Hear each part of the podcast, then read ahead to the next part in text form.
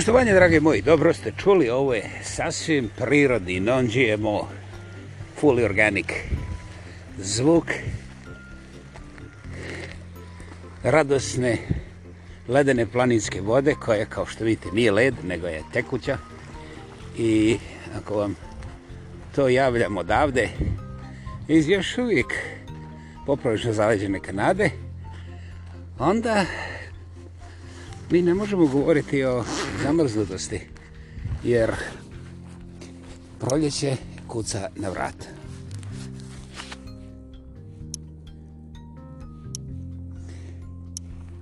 Dakle, dobrodošli u 111. podcast Slama sa vama, samoproglašeni lingvistički aktivista. Monumentalno autentični, ja pa ja, a ko bi drugi? Vladimir Kreća, ispod predivnih stjenovitih planina. Ja imam veliku privilegiju, a zapravo zadovoljstvo, zapravo nemjerljivo zadovoljstvo, da mogu bez ikakvih specijalnih formalnosti ili izaberite nekih drugih posebno velikih i zvučnih formi, razloga, hm, važnosti, bilo čega. Da sjednem ili da ne sjednem, da se šetam sa nekim ljudima koji su doista onako ljudi. Dakle, nemaju posebne premaze od novca, titula ovlaštenosti medijske nekakve prašine posebe i tako dalje. Znači svih tih svilenih gaća, nego jednostavno oni su ljudski sadržaj koji oplemenjuje ako samo znate da postoje. I to je jedan od mojih razloga što ja već nekoliko mjeseci pripremam malo kratko pisamce za svoje društvene mreže u kojima želim reći ljudima kojima sam se javio izravno, znači ne na javni post, nego u njihov inbox i odao priznanje, oni su vjerojatno bili zbunjeni, a ja sam bio zbunjen još više na onaj najljepši mogući način, razlog. Pa kad nekome, koga nikad u životu nisi sreo, napišeš, na primjer, rečenicu cijenjeni XY, Ćao, bao, nisam nikad za vas znao, ali eto, sada ovo što znam čini me presretnim i povlaštenim što mi komuniciramo na ovome polju. Samo želim da znate da je to veliko zadovoljstvo i moja personalna čast. Naravno, ja to nisam odlučio jednog dana pa onda uradio već sutradan ili možda redobog istog dana. Trebalo mi je dugo vremena i radio sam dosta istraživanja. Naime, nisam htio da budem Albert Einstein te personalne komunikacije. Ne bih mogo reći na prepad, ali nekako u tom smislu najbliže, jer ljudi imaju pravo na privatnost, to je jedna stvar koju ne morate priznati, ali koja je neoboriva, prisutna je uvijek, čak i kad sileđe upadaju negdje ovaj sa oružjem ili vrlo lošim namjerama šta će učiniti, njima je vrlo jasno, nesumnjivo jasno da rade nešto što moraju debelo sakriti i što brže odraditi. Dakle, to je način na koji priznaju da je privatnost ipak sveta, mada je oni krše, ali s tim kršenjem dolazi veliko bježanje i normalno laganje i sve ostalo da bi se sakrila tako aktivnost. Aktivnost. Dakle, to je bila jedna od ovih negativnih mogućnosti, vrlo realna. I onda sam ja iščitavao dosta toga i primijetio sam da postoji velika pozitivna, nazvat ćemo je zajednica, mada ona formalno to nije, ljudi širom svijeta, pa svi znate, pen pal pokreti, mislim, ne znam kako ga vi hoćete nazvati, ali pen pal je jedan daleko prije uh, Eh, interneta i svih ovih brzih komunikacija.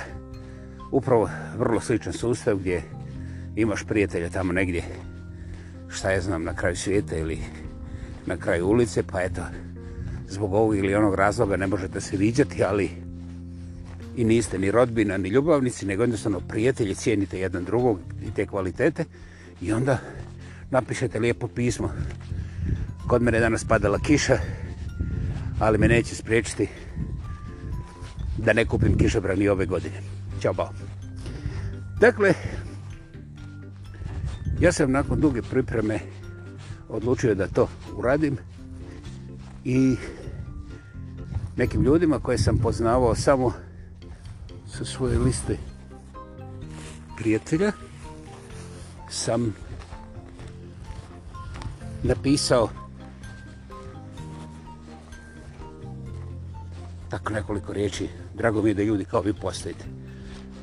Naravno, da je bila osnovna stvar da ja te ljude prepoznam kao ljude. Znači, to nisu moji poslovni ili intimni partneri, nego to su karakteri, to su ljudi koje bih ja volio sretati svaki dan, jer smatram da je svijet prepun ovih nekakvih drugih koji su prilično plastični, formalizirani, koji su žrtve samih sebe i svojih zabluda. A ja naravno nisam prosvjetitelj da bih ja mogo svima objasniti. I onda, eto, to je to.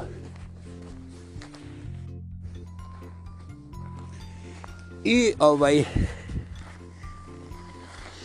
sada kad znate taj glavni motiv, sada u stvari znate suštinsko objašnjenje svega, jer ja ne mogu da sa apsolutnom i definitivnom preciznošću objasnim moj vlastiti nagon, da se naklonim čovjeku ili ljudima.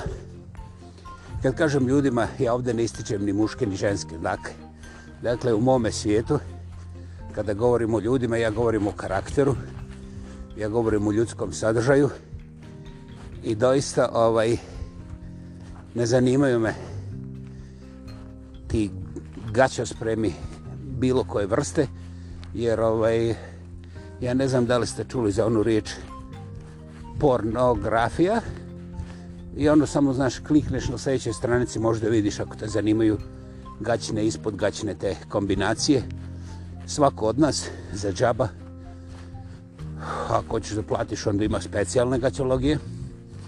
Dakle, tu ne treba nikom moje instrukcije, ali je presudno važno da kažem kako ja napišem svakog mjeseca već dvije godine barem jedno pisance, nikada deset, to je strašno važno, ovaj, tim ljudima koji mene oduševe, jer ja pratim šta oni objavljuju, i nakon nekog vremena kad se uvjerim da to nije slučajno nego da su ti ljudi doista zdravi, stabilni karakteri i da žive stabilan, zdrav život ja onda ne napišem i opisam i znate šta, ja odobravam što se vi bavite sa kriketom, bilo bi bolje da pređete na golf.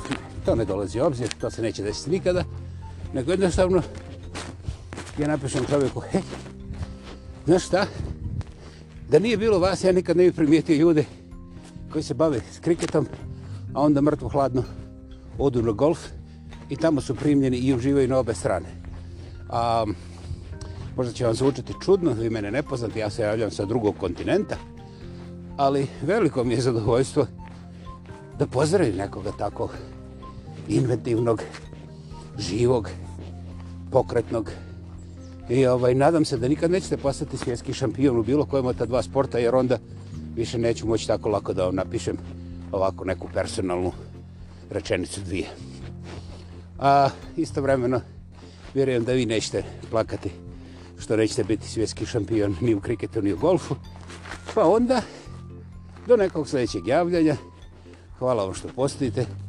Veliko mi je zadovoljstvo prepoznati da u svijetu oko mene ima i takvih ljudi. Ćao bao! Eto, sada znate otprilike anatomiju tih mojih javljanja koje su u mom životu uh, neopisivo važna, neopisivo draga, velika i osnažuju me. Jer uh, ja u cijeloj toj priči nikome ne govorim da li imam viška kilograma manjih novca, uh, onda višak jezika, uh, manja kose, znaš, mislim, sve te ljepote koje ljudi obično listaju o sebi kao komadu, uh, špeka u lokalnoj mesnici. Dakle, ja ljude ne opterećujem sa ja, nego im jednostavno kažem danas na kraju planete vi ste upalili jednu lampicu zadovoljstva, ponosa i sreće što postoji čovjek kao vi. I ovo, ovo, ovo kad sam spomenuo Penpal, ja sam spomenuo nešto što mogu prepoznati svi, međutim, ovi sistemi ohrabrivanja potpuno nepoznatih ljudi su bili prisutni, naravno ne preko interneta, ovaj, ni preko te lokalne pošte, ali bili su u nekim nevjerovatnim oblicima prisutni čak i u antičko doba. Međutim, to je velika, jaka tema koju ja još uvijek poručavam i ne želim sada da se dotičem. Znači, dakle, Eh, ono što želim reći, ja nisam otkrio ništa novo. Međutim, za mene je to veličanstveno i potpuno novo, jer u mom životu takav sadržaj prije nije igrao ulogu, a sada je... Ne samo da se ponosim, nego sam osnažen s time sam pred sobom. Razlog? Milijon razloga, ali ja ću na, ovdje navesti jednu apsolutno fascinantnu činjenicu koja je neosporna, a to je rekao sam vam nešto više od dvije godine ja imam ne znam precizno ali između 30 i 50 takvih pisamaca ljudima koje ja nikad u životu uživo nisam vidio i naravno uvijek sam se trudio i ostao uspio sam to zadržati da ne napišem 11 rečenicu 10 može, 11 ne može razlog ljudi nemaju vremena.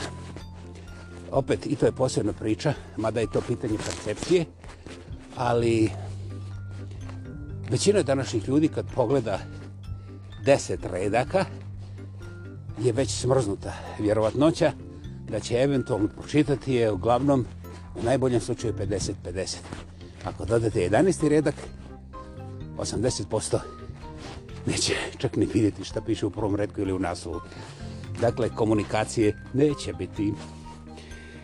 Ovaj, znači, najfascinantniji detalj od svega toga i činjenice je da baš niko od tih ljudi, a svi su prije svega punoljetni, ja se nikad ne javljam mlađim od 35 godina, bez obzira da li su muški, ženski, srednjospolni, nespolni ili trospolni.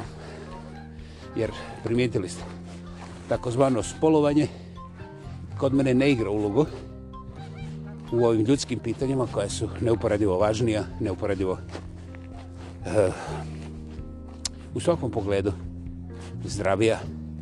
A intimni život je nešto, kako bih rekao, malo skliskije, malo mm, hm, ošne sluzavije. Mislim, čisto tehnički je neophodno.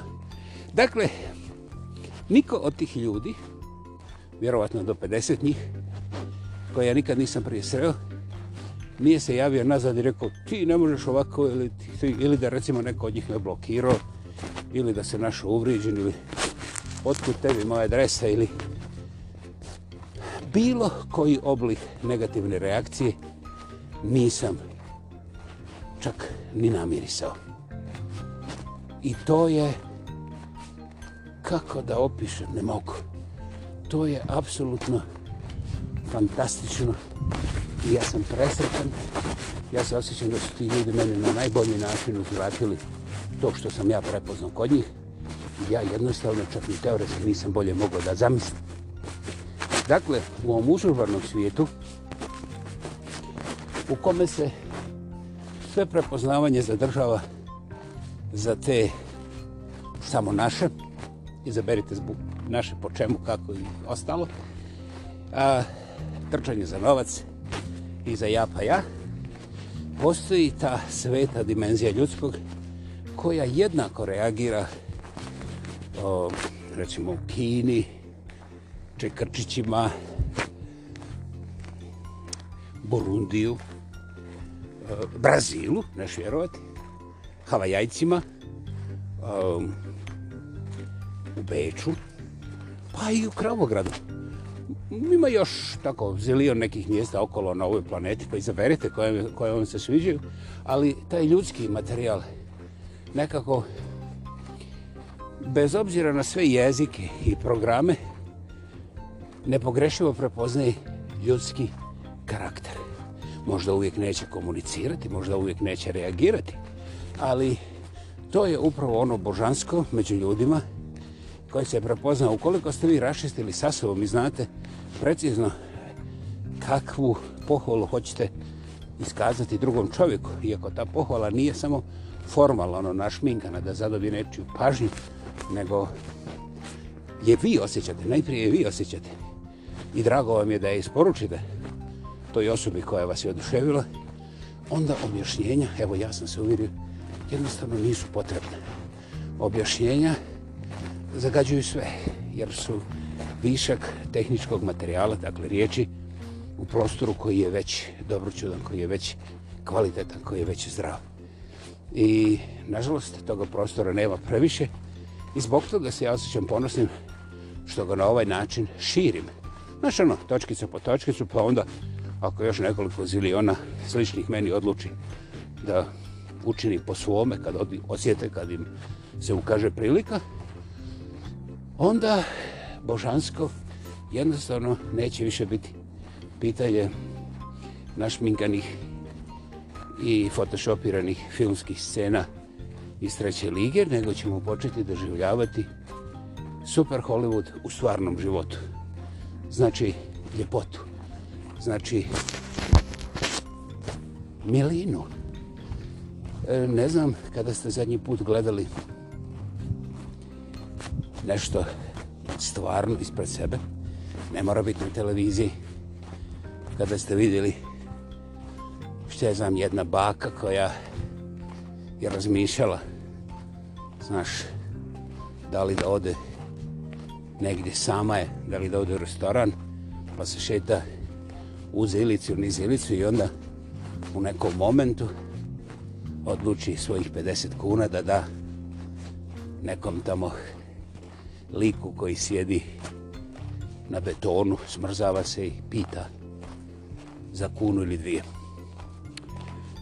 znanstveno je dokazano prije više od 130 godina, ja neću u detaljima, autori su tu, imate Google, pronađete, da u momentu davanja u čovjekovom sistemu se oslobađaju endorfini i još neki drugi fini hormoni koji donose do opuštenja mišića dakle, do smanjenja krvnog tlaka, nevjerovatno, mada je to uzbuđenje, a, to je znači relaksacija i samim tim to bolje prokrvljenje više kisika u sistemu daje čovjeku nevjerovatno osjećaj zadovoljstva. Zanimljivo je da taj osjećaj zadovoljstva kod osobe koja prima taj dar, ovdje se podrazumije da je dar dat ne zbog poziranja pred kamerama, nego zbog individualno, intimno, jednako ja tebi. Znači nije bitno da li se nalazimo u ilici ili čekrčićemo na brdu. Nego jednostavno ja kao čovjek osjećam da želim da ti dam, a tebi to čini nekakvu vrijednost i to je cijela priča. Svaka druga oblanda kvari taj hormonalni respond koji je uglavnom refleksivni, vjerovali ili ne. Ideja može biti intelektualno kontrolirana do određenog momenta, iako je ona samo po sebi poprilično nekontro, intelektualno nekontroli, nekontrolirani impuls, pa se onda razvija, nećemo u to. Ali ovaj, u tom momentu i ovaj koji prima doživljava gotovo identičan biokemijski boom, pozitivni boom i doista se osjeća sretno i ima sve pozitivne uh, reakcije svog organizma kao i ovaj koji daje. I sada, to je ista priča od prije 130 godina, znanstveno dokazana, a inače opisivana je kroz cijelu povijest i ljudi govore i danas, ali, znaš, vrlo je malo onih koji vjeruju da to nije bajka, što je za mene, na primjer, tužno. Ovaj, I onda imamo, znači, ovaj koji daje sretan, ovaj koji prima sretan gotovo na isti način, čisto biokemijski kada gledaš sve detalje od, od reakcije. I onda taj treći čovjek koji sa strane nepoznat njima od dvoma, možda ga čak i ne vide i ne moraju da ga vide, ima isti biokemijski respons, refleks u toj situaciji. Znači sve pozitivne reakcije. Pogledajte, jedan potez da se čovjek koji prosi na ulici da nešto izaziva barem trostruku potvrđenu dobrotu i sada da li ja trebam da potvrđujem da ili ima Bog ili ne, mislim, znaš, ovo je pornografija komunikacije, jedan bezobrazluk koji je fiksiran, znaš, ko su iz naše partije, ko su iz njihove partije. Ljudi, ja nepomirljivo radim sve da nikad ne komuniciram sa takvim profilima. Nikad. Jer uh, traženje dlake u jajet u nečemu što je potvrđeno antičkim iskustvom je ne samo zločin, nego jedna sadistička agresija na zdrav razum koja eksplodira u slučaju bilo kakvih nemira u svim socijalnim sredinama, pa čak i antisocijalnim. Dakle, ukoliko vi želite pokloniti nešto svojoj djeci, a Boga mi i unucima, onda morate skinuti gaće ovom kriminalnom, nasilničkom, sadističkom ponašanju. Jer tu fali samo da neko potpali kuću na kraju na početku ulice i da počne krkjanac sa krvi i sa eksplozivom. Dakle, cijelo vrijeme takve osobe nas pripremaju na rat. Ako vam treba rat, volite te derane pored sebe. Ako vam ne treba rat, onda volite da rane koji razumiju šta znači dijelenje, šta znači razumijevanje i šta znači biti čovjek bez posebne naljepnice. Onako, anonimno. Ali ne moramo biti anonimno. I nemojte se stiditi jer postoji opet od, određen sadi se. I kažu, pa ti se hvališ što si to radio. Da, hvalim se. Da, hvalim se. Onoga momenta kada se ja budem hvalio na način da ponižavam čovjeka kome sam dao ili da nekoga vrijeđam ili da ugrožavam bilo koji oblik nečijeg života ili ugleda, onda je to razlog da se ne samo sramim, nego da se nužno i odmah korigiram uz dužno izvinjenje kao minimum. Međutim, ukoliko ja u jednom krugu ljudi XY. Govorim kako sam Peri Periću htio dati 2 dolara, nisam imao nego samo 20.